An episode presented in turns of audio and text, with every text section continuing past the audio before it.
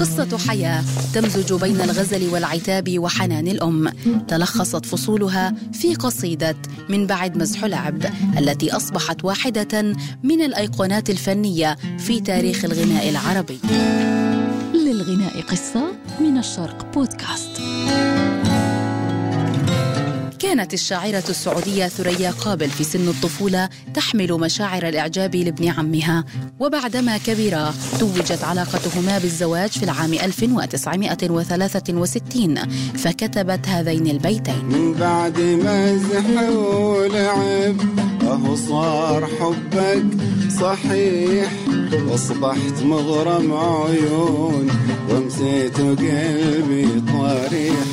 بعد الزواج توقفت عن الكتابة شهورا طويلة بسبب تعرضها لحملة من الانتقادات كونها أول سعودية تخوض غمار القصائد العاطفية باسمها الحقيقي. امتلكت ثريا شجاعة كافية جعلتها قادرة على الوقوف أمام التحديات التي تواجه المرأة في الحياة العامة. فكتبت تقول معبرة عن عواطفها بأسلوب سهل رقيق وعذب. وأنا الذي كنت أهرج والكل حولي سكوت صرت أتلام وأسكت وأحسب حساب كل صوت.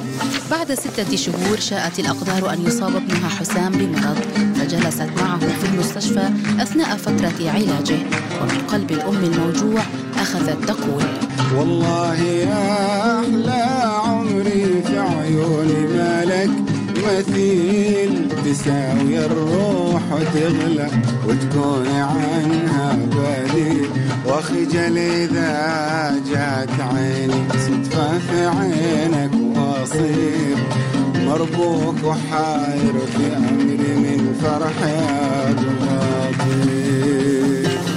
لعبت ثريا في قصيدتها على الكلمة البسيطة القريبة من قلوب الناس وهي التقنية التي باتت سر نجاح الأغاني العربية. لكن تحول قصيدتها من بعد مسح لعب إلى أغنية شهيرة تقف خلفه حكاية أخرى.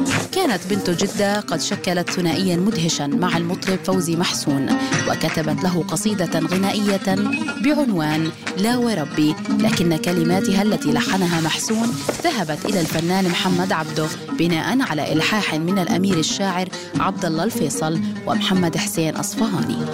أرادت ثريا تعويض محسون فمنحته قصيدة من بعد مسح لعب التي لحنها وغناها ليبثها التلفزيون السعودي للمرة الأولى عام 1961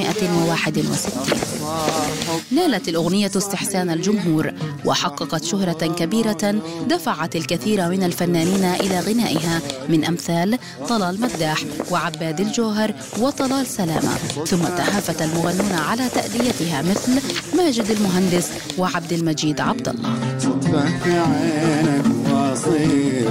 مربوك وحاير في أمري من فرح أبغى أطير